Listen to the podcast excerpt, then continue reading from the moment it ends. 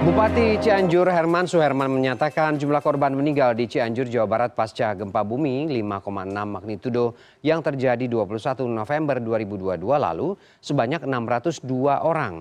Hal ini disampaikan Herman Suherman dalam konferensi pers pada Rabu sore.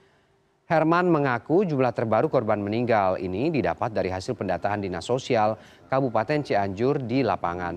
Sebelumnya jumlah korban meninggal dunia yang terdata di Badan Nasional Penanggulangan Bencana sebanyak 335 orang. Dari koordinasi Bupati Cianjur dengan BNPB diketahui, data 335 orang korban meninggal tersebut adalah data laporan yang masuk di rumah sakit dan puskesmas.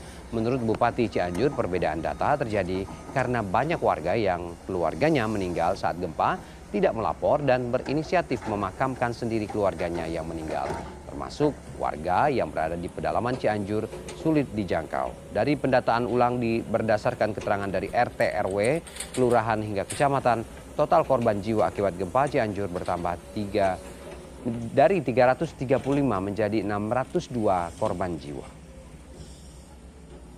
Nah, kita data dan akhirnya seperti ini. Bahkan kemarin dari BPD itu sebetulnya bukan 602, 638 kalau nggak salah ya.